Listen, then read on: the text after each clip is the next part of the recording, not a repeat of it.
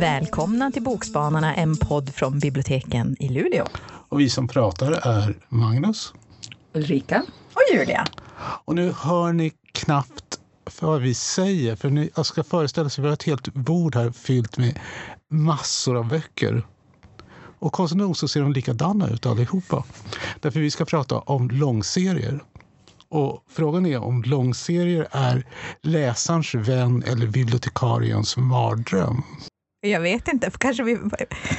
Ska vi först bestämma vad är en långserie? Ja, det är inte lättast. Vi, Bibeln är ju till exempel en långserie. Den består av över 55 böcker. Då är det en lång serie. Då är det en långserie. Jag säger sju böcker. Sju eller fler. Och Julia? Jag är nog inne på fem eller fler, tänker jag. Är det mer än fem böcker, så då tycker jag det är en lång serie. Måste de hänga ihop eller kan de vara fristående? Det är ju en bra fråga. Faktiskt. De måste, De måste hänga ihop. De ska nog hänga, de ska hänga ihop. Eh, Jag hänger nog, eller håller, hänger med. eh, naturligtvis hänger jag inte med. I och med att jag ska prata om femböckerna. Den beryktade långserien från min barndom som inte fick vara på bibliotek. Och eh, dels var de ju många. Och de hänger ju faktiskt inte ihop. Det är ju avslutade historier som man kan läsa vars för sig. Men ändå är det som att det blir en helhet av dem. Så jag tror nog att jag tycker att långserier inte behöver hänga, hänga ihop. Nej, på det sättet behöver de nog inte hänga ihop. Men jag tycker också vissa, ja, ska man räkna det som serie eller inte? det är svårt när de är fristående.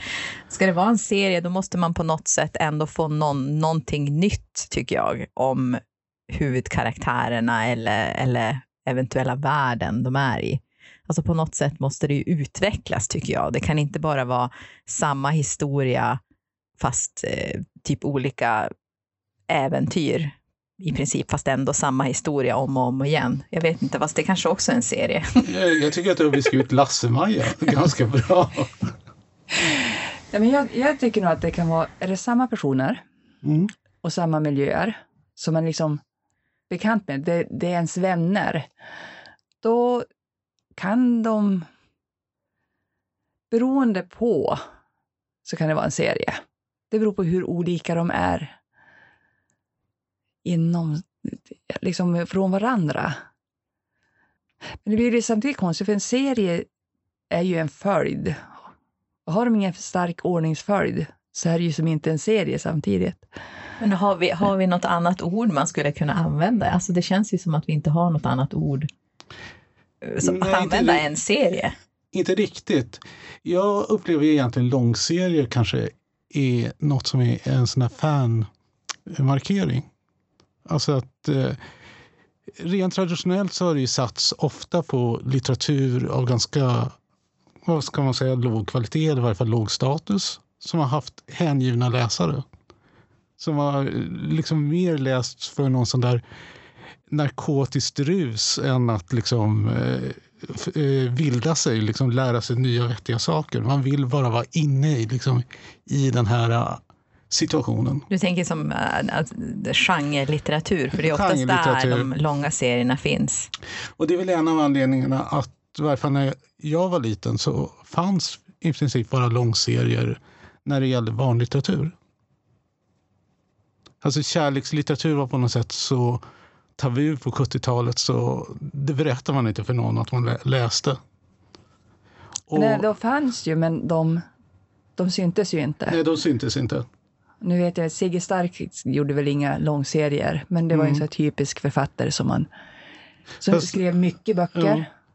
Men de var inte serier, men det är just att den tillhörde den genren. Men Mm. där finns det ju Gårdarna runt sjön, är det någon som har skrivit Mm. en serie. Jag tror det är sju eller åtta böcker. Från 20-30-talet någonting skriven. Mm. Så de fanns, men de var inga fina. Eh, du har ju Forsyth-sagan också som jag faktiskt tror en nobelpristagare har skrivit, men det kan jag inte svära på nu. Eh, men mycket liksom att långserierna hade så låg status på 70-talet var ju naturligtvis att eh, 70-talet präglades av modernismen och realismen. Och det som präglar modernistisk litteratur det är att den är nyskapande. Alltså den ska uppfinnas eh, på nytt för varje bok. Mm. Och det går på något sätt helt emot långseriens natur. Nej, men det går ju inte. Nej. Nej. nej. Och jag upptäckte egentligen att det, eh, tonvikten liksom på något sätt hade förändrats. Det var bara för några år sedan när eh, jag gick till en sån där skrivarcirkel. Och folk satt och pratade om att ja, en dag vill jag också ha en lång serie. Där de kanske för tio år sedan eh, hade sagt en dag hade jag velat skriva en bok. Har, har, det har väl kanske att göra med att då har man en läsarkrets kanske som kommer tillbaka ifall man har en serie. Eh, Alltså att, Framförallt så har man inte stadigt jobb som författare. ja. Mm. Och man hit, slipper hitta på nya saker hela tiden. Jag har en liten teori där. Mm. Jag gillar ju långserier. Mm. Och det är för att det är så hemtamt. Jag känner igen mig. Jag får besöka mina vänner där.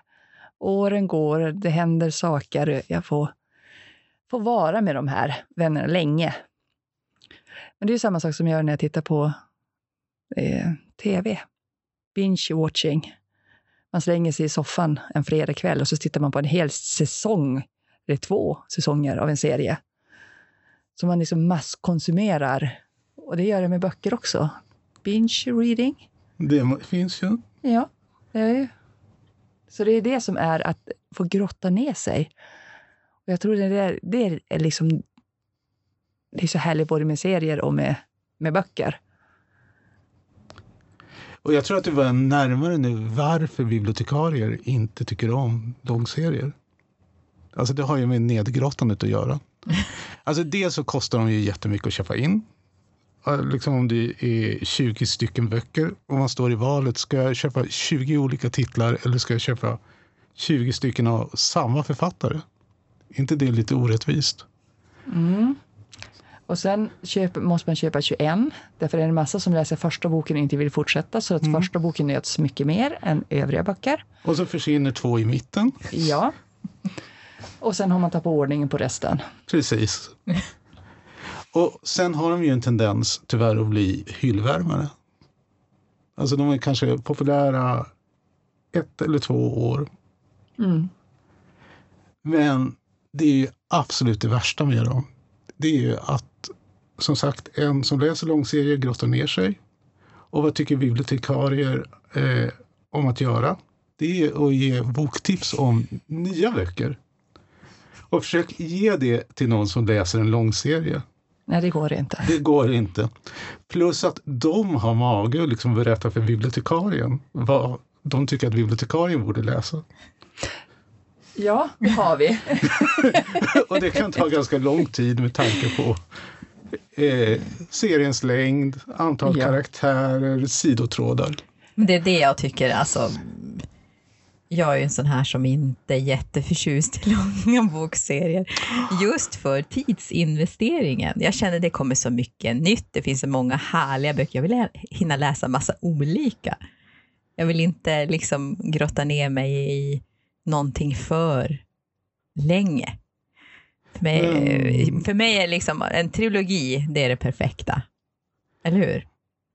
Så du menar, du läser hellre en bok på 900 sidor än vad blir det, fem böcker på 150 sidor?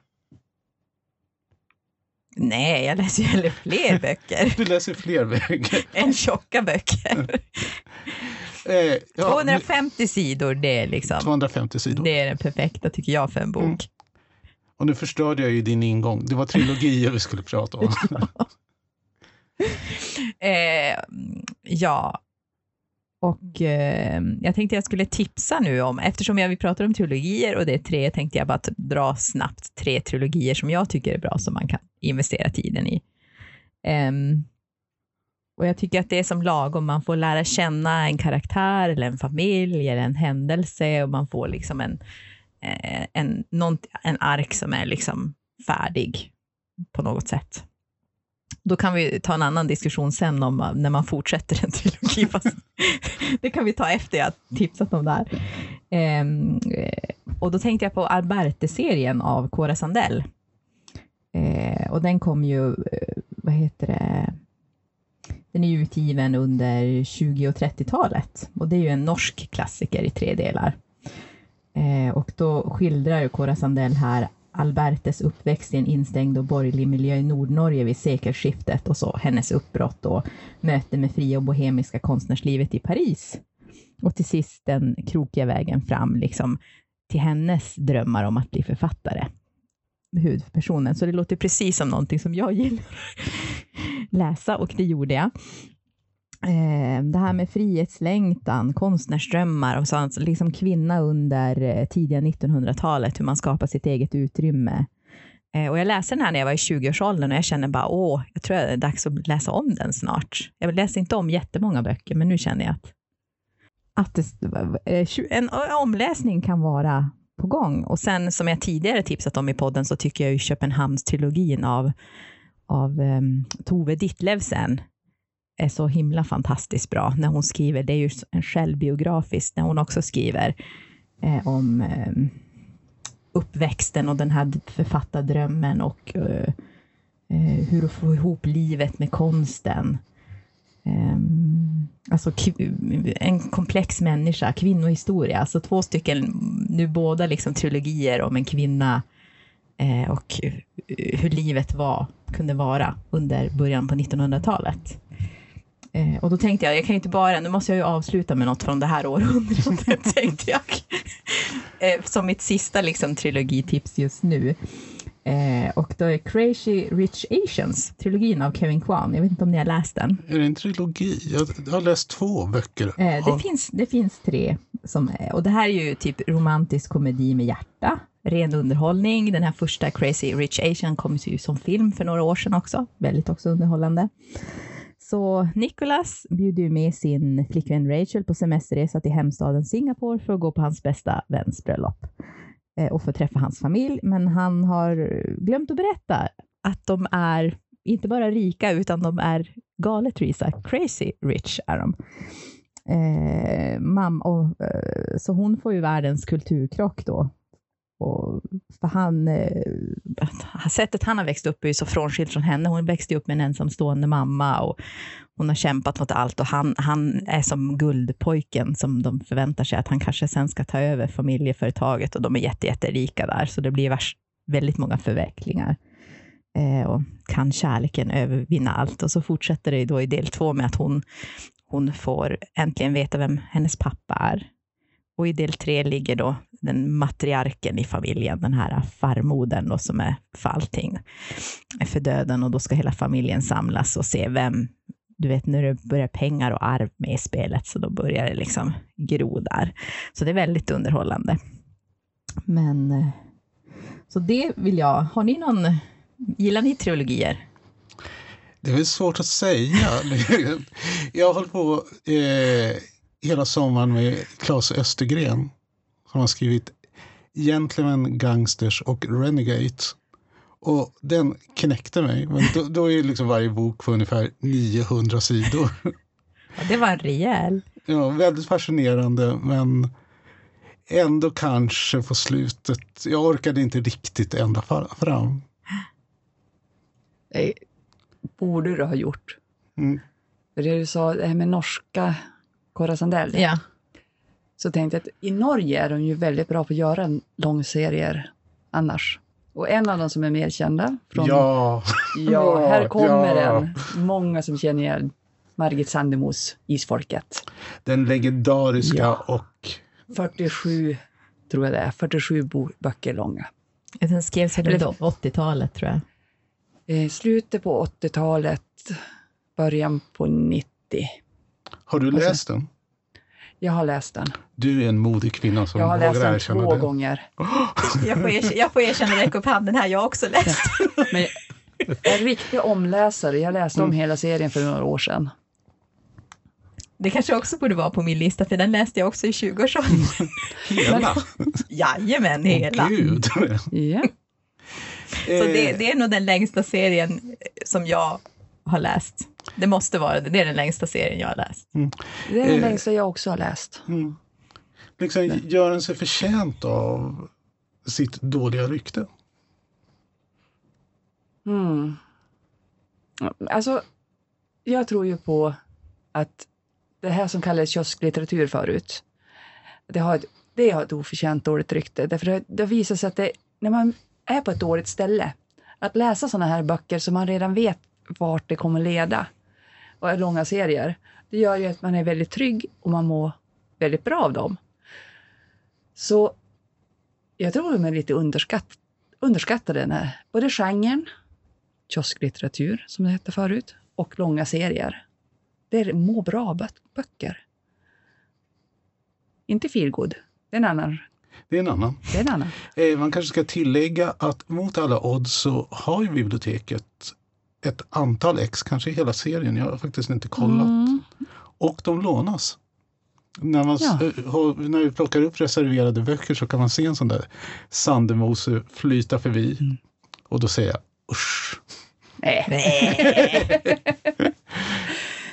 Nej, men det just det här att när jag läste den första gången gick jag på gymnasiet. När jag läste den andra gången, då bodde jag på ett ställe jag inte trivdes på. Och det var en så skön flykt. Och det tog aldrig, flykten tog aldrig slut. Det fanns ju alltid bok till. Jag har dem hemma i en låda allihop. Nej, inte nummer 47, den har jag förlagt. Den sista. Gud. Så den sista boken i serien, nu kan jag inte läsa om dem mer. Jag tappar bort den si- sista.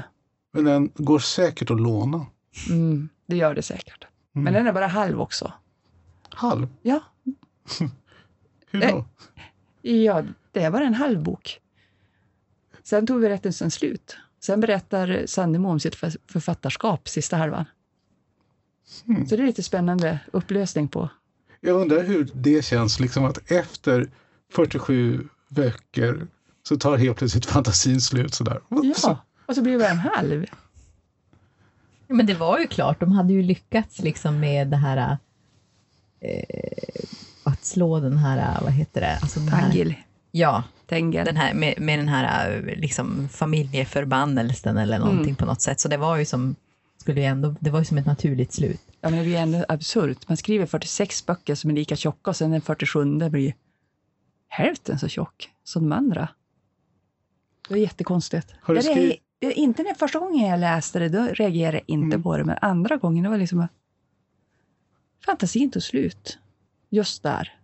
Har du skrivit till förlaget och klagat? Nej, det har jag inte gjort. Kanske ska göra det så jag får igen den där 47 boken Mm. som tröst. Mm. Och vi har ju varit och nosat på det där, men långserier och klass verkar ju sitta ihop. För jag sitter och tänker på Marcel Proust på Spaning efter tid som flytt. Är det en långserie? Jo, Men hur många, alltså, Åtta band.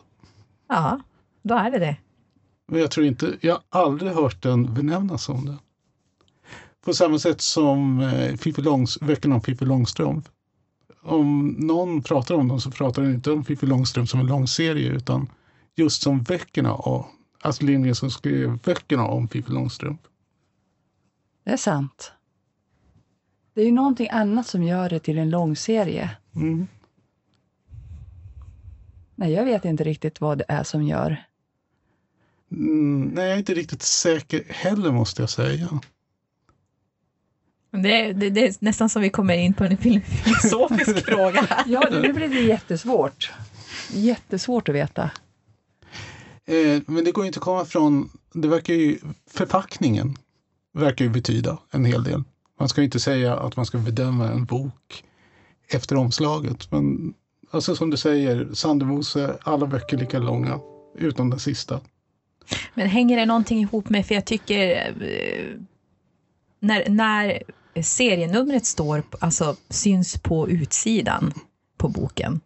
Alltså det känns ju som att, nej, att det är vanligare när det gäller både barn och genrelitteratur. Att det är inte så vanligt att det står liksom del 1 i serien, del 2 i serien, alltså så att det stå, stå, syns på ryggen, typ en stor siffra på, eh, på mer alltså romaner och sånt, att det står en jätte... Jag tänker som på Elena Ferrante, det är ju en kvartett. Jag tror inte att det står liksom del 1, del 2 jättetydlig liksom på... Nej, det brukar stå på, På, baksidetexten längst Ja, men, ner. men inte liksom på att det är en stor siffra liksom, antingen på ryggen eller på liksom framsidan av boken. Men där har vi ju en föredömlig deckarförfattarinna. Men jag kommer inte ihåg riktigt vem det är. Hon som skriver det första skiffret. Det är första boken. Denise Rudberg. Ja. Och så heter den andra någonting med andra. Er tredje man heter tredje. Den fjärde någonting heter fjärde. Det är föredömligt. Det är jättelätt att hålla ordningen. För bibliotekarier älskar ju det där. Jag vet vilken ordning de kommer i. Det, är det måste bli en serie. Även om det bara är fyra än så hoppas jag att det... Du har ju också den där serien om sju systrarna. Som jag Ja. aldrig kommer ihåg vad hon heter. Lucinda Riley. Ja, där det presenteras väldigt tydligt i första boken, som jag faktiskt har läst, att det här kommer handla om de sju, sju systrarna. Och varje bok kommer handla om deras kärleksliv och deras eh, problem. Tala om att få igång liksom långserieälskare. Alltså det är som en utombordare som för, för dem till eh, bokhyllan om och om och om igen. Så det är väl kanske att det ska vara förväntningar, liksom, att man ska hinta någonstans att det kommer komma eh, förutsättning. Eller fortsättning. Jo, men det, det, det tror jag det kan vara. Därför om du jämför med Proust som var mer bara en väldigt lång berättelse som måste ut och delas upp i flera volymer. Inte riktigt en serie, utan allt måste som... Den blir lite för tung att hålla i annars. Ja, men precis. Han blir jättetung att hålla i. Eh, då har jag nästa fråga. Som, måste det vara samma författare som har skrivit alla titlarna?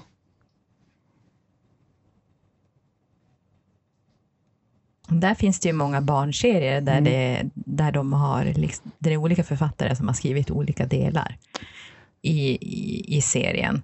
Men eh, Alltså det är till och med så att Kitty-böckerna, som, där är liksom titlarna nu för tiden franchising. Alltså författare som inte har slagit igenom i USA skriver, köper liksom rätten att skriva en Kitty-bok. Och sen kan de använda liksom den boken som ett arbetsprov när de ska skaffa sig en agent. jaha, jo men det har Liksom väl alltid varit så att det är olika författare Ja. bakom, eh, vad, vad är det, Keen eller vad heter de? Caroline Keen. tror jag, eller Keen. Eh, så det är ju intressant det där. Och jag vet inte hur många Kitty-böcker som det finns. Jag har faktiskt läst en hel del måste jag erkänna. Men det är många år sedan. Det gjorde jag också där i, ton, vad heter det, när man, i tidiga tonåren, då läste man eh, Kittyböcker. Jag har läst en. Va? En enda. Det var ett felköp. Nej. Och, hon var ju så trevlig och hon hade en sån trevlig pappa och de hade en sån trevlig hushållerska. Och så hade hon t- två mindre trevliga väninnor men det var ju bara därför hon skulle framstå som ännu trevligare. Ja. Mm. Nej, jag började i, i, i späd ålder så ramlade jag in på långserie. Så det var Sven Martinssons serie om Lotte. Lotte, den tror jag. Lotte. Vad är Och det det var för en något? ridtjej. Hon hade hästen Florian, som var en skimmel. Och så hade hon då två andra. Och hon hade, det hade hänt någonting, om det var en olycka, jag minns inte riktigt, eller om det var från födsel. Så satt hon i rullstol, så hon kunde ju bara rida dressyr.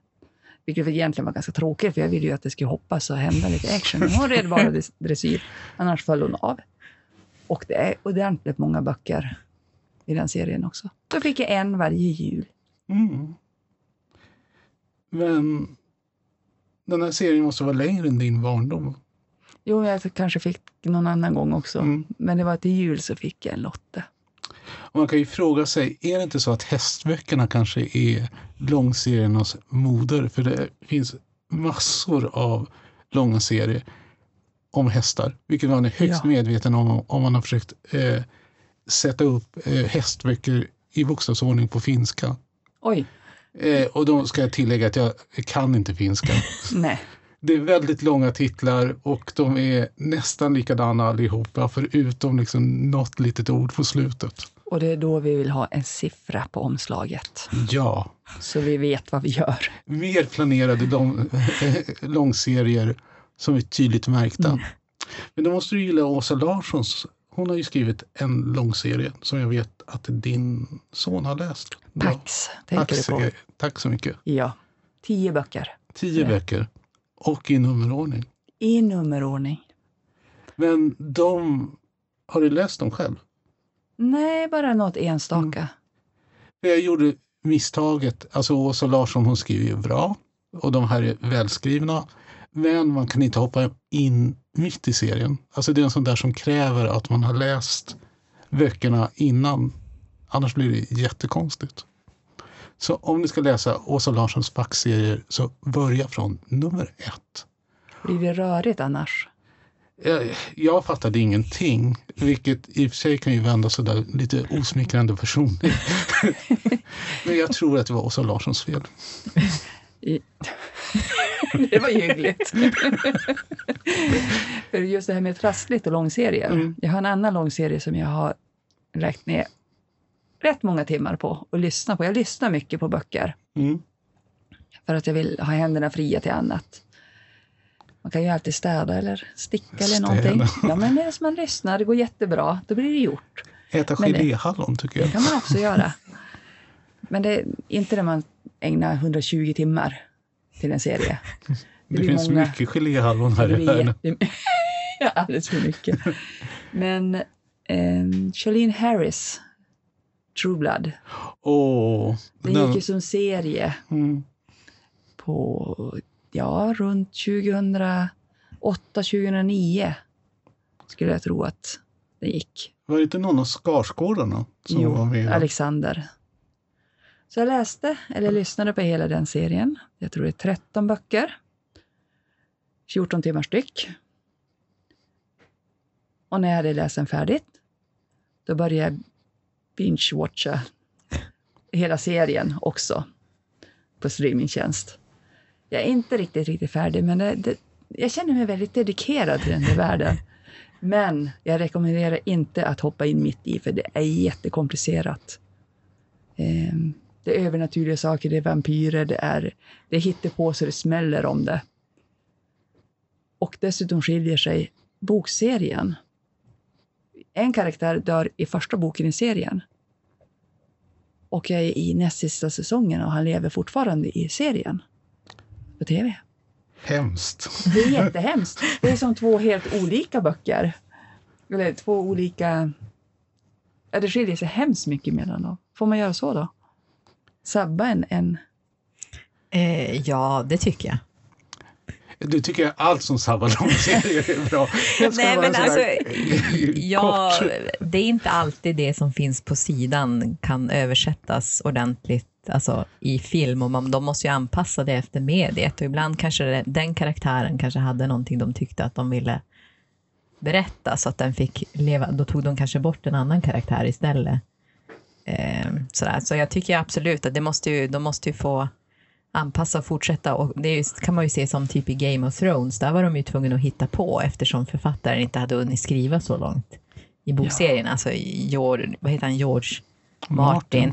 Han är ju väldigt långsam när han skriver, så för att de skulle kunna göra klart serien var de ju tvungna att själva bestämma hur de tyckte att det skulle sluta, den serien. Men är det inte han som skriver sådana böcker som man kan mura ett sommarstuga av? Jättetjocka. De är jättetjocka de böckerna, ja. Jag, jag började, när jag hade sett första säsongen så började jag läsa böckerna, men jag, jag gav upp för de blev bara tjockare och tjockare. så jag, ibland ger jag försök på serie, längre serier som har fler antal böcker, men, men eh, ja, där fick jag ge upp. Den låg ett, ett halvår, den där sista eh, eh boknummer, om det var bok nummer tre. och sen tänkte jag, jag kommer aldrig läsa den. Jag kommer aldrig läsa klart det här, så då fick jag ge mig.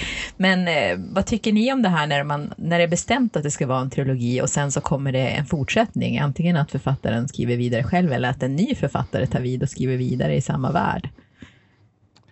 Det är ju en sån där samvetsfråga. Jag, jag försöker komma på något bra exempel, men har du något bra exempel? Nej, men jag tänker, alltså det finns ju det också, om- man tittar på typ barnlitteratur, då, då tänker jag på Ann på Grönkulla och, och typ de här böckerna om eh, Lilla huset på prärien. Där kom det ju fler böcker i serien och, som inte är lika bra och det berodde ju på att de behövde försörjning, alltså författarna till dem. Samma typ eh, Unga kvinnor kom det väl också fortsättning på, tror jag, flera stycken. Och det har ju att göra med att, att de kvinnliga författarna behövde försörjning till sin familj och då skrev de vidare i den serien. Men där behöver man inte läsa alla, man kan ju sluta när man har läst den Men- första, första boken. Men sen finns det ju som Millennium-trilogin Mm. av Stig Larsson, där det har kommit in en ny författare och fortsatt skriva. Men, men, men alltså vi måste backa här. Ja. Du nämnde Lilla prärien. Menar du att Laura Ingalls inte har skrivit alla böckerna? Jo, hon har väl skrivit alla böckerna, men hon, hon, kanske inte, hon kanske hade valt att skriva någonting annat om hon inte... Alltså jag känner att kvaliteten är inte lika bra som på första böckerna. Okej, Mot slutet. eh, du bytte ämne där lite. Eh, du höll på att ge mig hjärtstillestånd. Laura Ingalls är jättebra. Böckerna på Lilla prärien är jättebra. Man måste läsa allihopa, tycker jag. Nej, det tycker inte. Jag, jag tycker att man kan skriva vidare på en trilogi Mm. om inte karaktärerna i boken är färdiga. Om, Det är alltså Jag har en inte annan författare. ja, nej, helst inte en annan. Men en del författare, jag, jag skriver ju inte själv, men jag förstår precis det att ibland så är det ju en, en karaktär inte har inte berättat hela sin historia. De måste få fortsätta berätta vad som hän- hände sen. Och vad jag förstår när jag lyssnar på författare så verkar det vara ganska starkt att de känner att jag måste berätta. Den här måste få berätta själv, eller figuren. Och då tycker jag det är okej.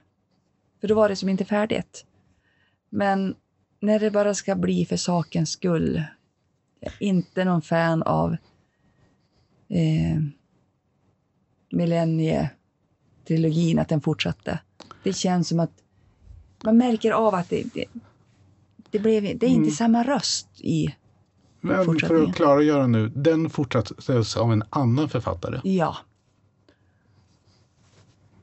Och då är det... Det var det Lagercrantz va? Ja, det var David Lagercrantz. Men jag känner, för jag, jag har läst Millennium-trilogin och jag tyckte att det kändes som att den var klar. Så att jag har inte ens försökt mig på att läsa de nya, så jag kan ju inte säga någonting om det annat än att för mig kändes det som att det var färdigt. Det var, Mm. Alltså det var klart. Att jag hade inget behov av att läsa vidare när jag hade läst de tre. Och så blir det jättekonstigt om en annan författare, nu fanns det väl visst material de har tagit reda på och vävt in i boken, i, i fjärde boken. Jag tittar på er för att jag Hur många tänker, finns det? Alltså? jag, jag vet inte hur många, men fjärde var väl delvis, fanns det väl material nog som de kunde. Mm. Men det blir jättekonstigt om en författare har skrivit en trilogi om ett, några karaktärer. Sen var en helt annan författare nej den är inte färdig. De här karaktärerna måste få berätta vidare. Det blir jättekonstigt. Det tycker jag tyvärr känns ibland när man läser förlängda tri- Mm. trilogier när det bytt författare. Det är ju inte helt ovanligt. Alltså det finns ju nyskrivna Hercules Poirot-historier Mm. och även James Bond finns nyskrivet. Jag är skeptisk. Eh, nu har jag varken läst originalet eller de nyskrivna, så där kan jag faktiskt inte uttala mig. Även om jag naturligtvis har en åsikt. Bibliotekarier har alltid en åsikt. Nej det, nej, det är intressant det där. Jag tror också det har att göra med om man har liksom en klar bild själv. Liksom, om man har läst en bok, man har en klar bild och man tycker okej, det här stämmer överens, det här är slut. Då tror jag jag skulle ha alltså, svårt att läsa eh, vidare till någon annans eh, syn på det hela. Men alltså, om man ser det som en rolig grej, som det här med Eh, Poirot, en ny Poirot-bok, liksom mer som att, vad hittar de på, ser det mer som en typ en vet jag, en pastisch eller någonting nytt. För jag kan ju tycka att det är kul att läsa så här återberättande, nya, alltså när de sätter typ Jane Austen-figurer och sånt i nutid och hittar på en ny historia eller gör någon så här prequel. Det kan jag tycka är lite kul, men det kopplar jag ju inte ihop med original... Eh, Alltså så att, så att det skulle vara, hänga ihop med originalverket, det är ju som fristående. Det här är ju mer som en rolig grej man läser vid sidan om. Jag vet inte hur man ska... Jane Austen är ju intressant för hur många långserier har inte hon gett upphov till som hon själv inte har skrivit eller ens har något att göra med. Det finns böcker om Mr Darcy, hans liv. Eh, det finns ju om alla, sy- alla, alla olika syskon till alla karaktärer i alla böcker har ju fått sin egen historia berättad av någon annan. Och där kanske egentligen lämnar i hela idén med serier om man börjar närma sig det här med Mm. ett eh, eh, litterärt universum. Mm. Alltså att Austin har dragit upp gränserna för en värld och sen så besöker liksom andra människor den världen och berättar liksom vad de hi- hittar i den. Mm. Alltså det finns väldigt mycket fanlitteratur som är kopplat till Austin. Eh, så kallad fanfiction. Och det är egentligen inte människor som drömmer om att bli författare utan de drömmer kanske att skriva en historia på fem sidor och sen publicera dem för andra människor som har läst samma böcker och som kan säga men oh vad bra att du skrev liksom den där eh, grönsakshandlaren. Jag har alltid undrat vad han sa när liksom, huvudpersonen gick förbi. Mm. Så där handlar det ju om, verkligen om att bryta ner gränserna mellan vem som är avsändare och vem som är mottagare. Och det är egentligen det som jag tror påverkar ifall man störs av eh, om det är flera författare eller inte. Om man sätter läsupplevelsen och kanske sin egen läsupplevelse i första rummet. Då är det ju den man är, liksom koncentrerar sig på och då struntar man i vem den kommer ifrån. Men ska inte alltid den egna läsupplevelsen vara det viktigaste? Det är lite olika. Alltså, om man läser litteraturvetenskap där är det väldigt viktigt att det är författarens vision som är det viktigaste. Alltså det Mm. finns något sån där halvreligiöst där man eh, beskriver det som att författarens öga, alltså det som författaren ser, det är det som är det äkta. Och allt som kommer efteråt, alltså det som författaren skriver ner på pappret, det är en blek imitation. Och så varje gång den berättas om så blir det liksom mer och mer utvattnat. Och så till slut så hamnar man ner i vita serien eller något sånt där. Och vita serien, alltså det är en samling med böcker med sjuksköterskeromaner som fanns på 70-talet. De, ja. Har du läst dem? Nej, men liknande. Det Mm. fanns... Eh, I kiosklitteraturen fanns ju många olika eh, inriktningar. Och då var ju på sjukhus var ju en inriktning. Vi kanske skulle ha ett kiosklitteraturs eh, avsnitt. Vi, kommer, vi har många idéer nu här Mm. på avsnitt, det blir ju roligt. Vi får, vi får notera det på ibland. Det kan ju faktiskt vara väldigt intressant. Men då har jag ju också den där frågan, i och med att vi har varit inne på narkotiskt läsande. Är det verkligen nyttigt att läsa långserier? Ja. Ja. Ja. Jättenyttigt. Jag tvivlar lite. För jag måste erkänna, jag är beroende av en långserie om Stephanie Plum. Och Stephanie Plum är en Bounty Hunter och en Bounty Hunter kan man beskriva som att i USA så har man ett rättssystem där folk som ska eh, dömas för saker släpps mot borgen. Och om de då inte infinner sig i eh, rätten vid ett visst datum, då sänder man ut en Bounty Hunter som plockar upp dem, tar dem till rätten och så får de en viss summa pengar. Så det är liksom vad hon gör. Hon är ja, en Dirty Harry ungefär, fast kvinna. Och eh, som assistent, hon jobbar liksom på en sån här Bounty Hunter-byrå och där finns liksom en annan kvinna som heter Lula som är en ex-prostituerad och som beskrivs som en mycket stor kvinna i en tre nummer för liten spandexklänning.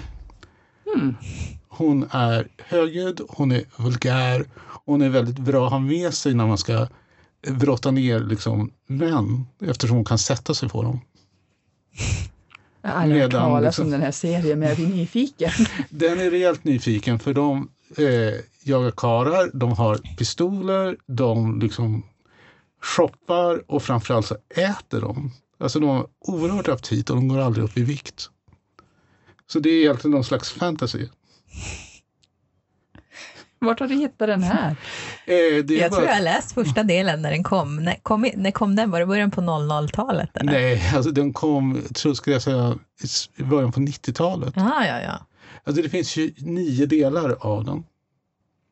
och jag fortsätter slaviskt läsa dem. Jag har tröttnat på dem för länge sedan. För det här är liksom en sån här recap-serie. Liksom att alla läsare ska kunna komma in i böckerna.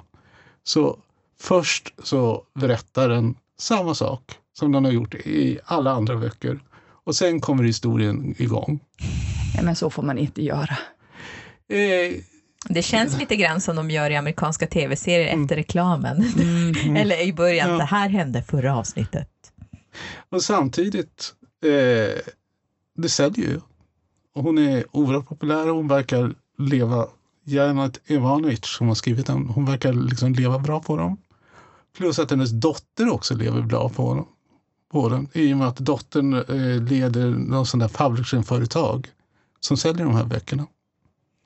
Men det viktigaste är ju, förutom liksom att arrestera män, det är ju kärleken. För Stephanie Plum, hon har två karlar som hon inte kan bestämma sig mellan. Och det har hon hållit på i 30 år nu. Ska hon liksom förälska sig i den mystiske... Eh, nu står det still. Det kommer om ett tag. Ska hon förälska sig i den hedliga snuten Morelli eller den mystiska eh, säkerhetsvakten Ranger som har... Han är ju, jag vågar inte säga, han är av kubanskt ursprung och har svarta sidenskjortor. Alltså det, Jag tror jag måste kolla upp det här. Alltså. definitivt. Men jag varnar dig, en bok och sen är du fast. Men det är så det ska vara. Och då har jag inte pratat om eh, Stefanis mormor. Hon är i 80-årsåldern och har en pistol i handväskan. Och hon älskar att gå på sådana här viewings eh, på begravningsbyråer där hon mer än en gång har eh, tiffat kistorna därför hon vill, liksom vill se hur den döda kroppen ser ut eh, efter arbetet som har lagts ner på den. Hon vill veta var hon ska bli, begraven eller Nej, hon de är mer- bäst på det hela. Eller? Hon är mer nyfiken att liksom se sminket. Det gör man ju i USA, där sminkar man ju alltid kropparna. Och om det då är en stängd kista, då är det något extraordinärt som är värt att titta på.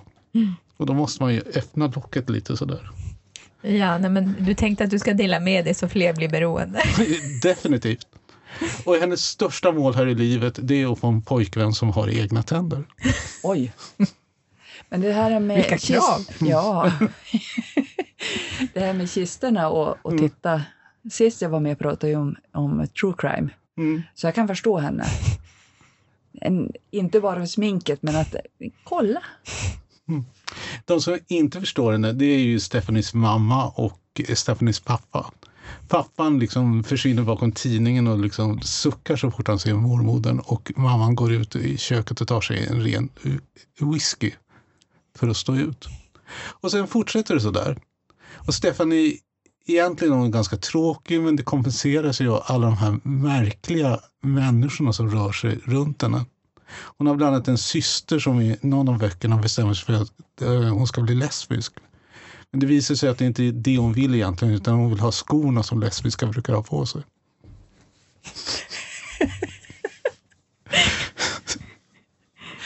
Det, det låter bara mer och mer eh, märkligt ju längre du pra- pratar. Och jag som tycker att True Blood är märklig, det är ingenting. Eh, nej, och det, det är därför jag fortsätter att läsa den. Alltså det är så att jag tänker, herregud, inte igen, men kanske. Jag måste ju se om hennes hamster lever fortfarande. Alltså den är över 30 år nu. Fantasy. Fantasy. Men känner vi att vi har någonting mer eller ska vi, vad heter det? Eh, Ja, vi fortsätter väl i del 2, del 5, del Naturligtvis. 159.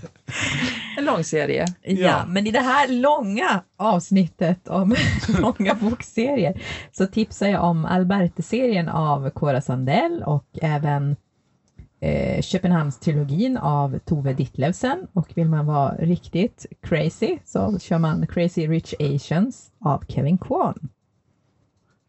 Och jag tipsade om så mycket så jag, jag kommer inte ihåg det. Jag behöver ha flera delar. Eh, men det som jag pratat mest om det är Janet Ivanovic eh, Ste Stephanie Plum-serie där den första boken är, heter One for the Money. Och sen fortsätter det där. One for the money, two for the show, three for the bla bla bla. Åh, föredömligt. Ja. Och så var det väl fem. Femböckerna naturligtvis. Och Kitty och vi har ju inte nämnt Lotta-böckerna som vi skulle behöva kunna prata i detalj. Humoristisk tonårs, kanske inte kärlek men liv i svensk småstad. Och jag har pratat om livet i en amerikansk småstad i... I... Baton Ja, Rouge. vi, nej, nästan. Det är nära Baton Rouge. Det är eh, Var det inte Lucy, Louisiana? Louisiana. Det är Louisiana, men den heter ju... Vet du, nu står det alldeles stilla. Jag borde ju veta vad stan heter. Men nej, jag kommer inte på det. Men Bon Toms. Bon Toms, Åh! såklart. Är ju- Julia som inte tycker om långserier tar priset. Jag har sett tv-serien. Oho. Det är True Blood med Charlene Harris. Och man kan ju säga att det är en sån där sugande upplevelse. Den handlar ju om vampyrer. Men det kanske du har Det handlar sagt. om vampyrer, det handlar om eh, älvor, det handlar om eh, gnomer, det handlar om varulvar, det handlar om shape, de som byter hamnskiftare. Ja, är inte hennes pojkvän en collie? Jo, Som ni hör allihopa, det blir långrandigt när man pratar om serier. Vi, vi- det vi känner, vi, vi, vi måste nog göra fler delar av det här. ja. Men tack för den här gången. Det var det. Vi är inte färdiga än. Jag har ju inte ens sagt att jag pratat om två långserier, vi glömde ju Isfolket. Ja, isfolket Margit och... Sandemo. Ja, det... Det måste vi också nämna, ja. Hej då. Hej då.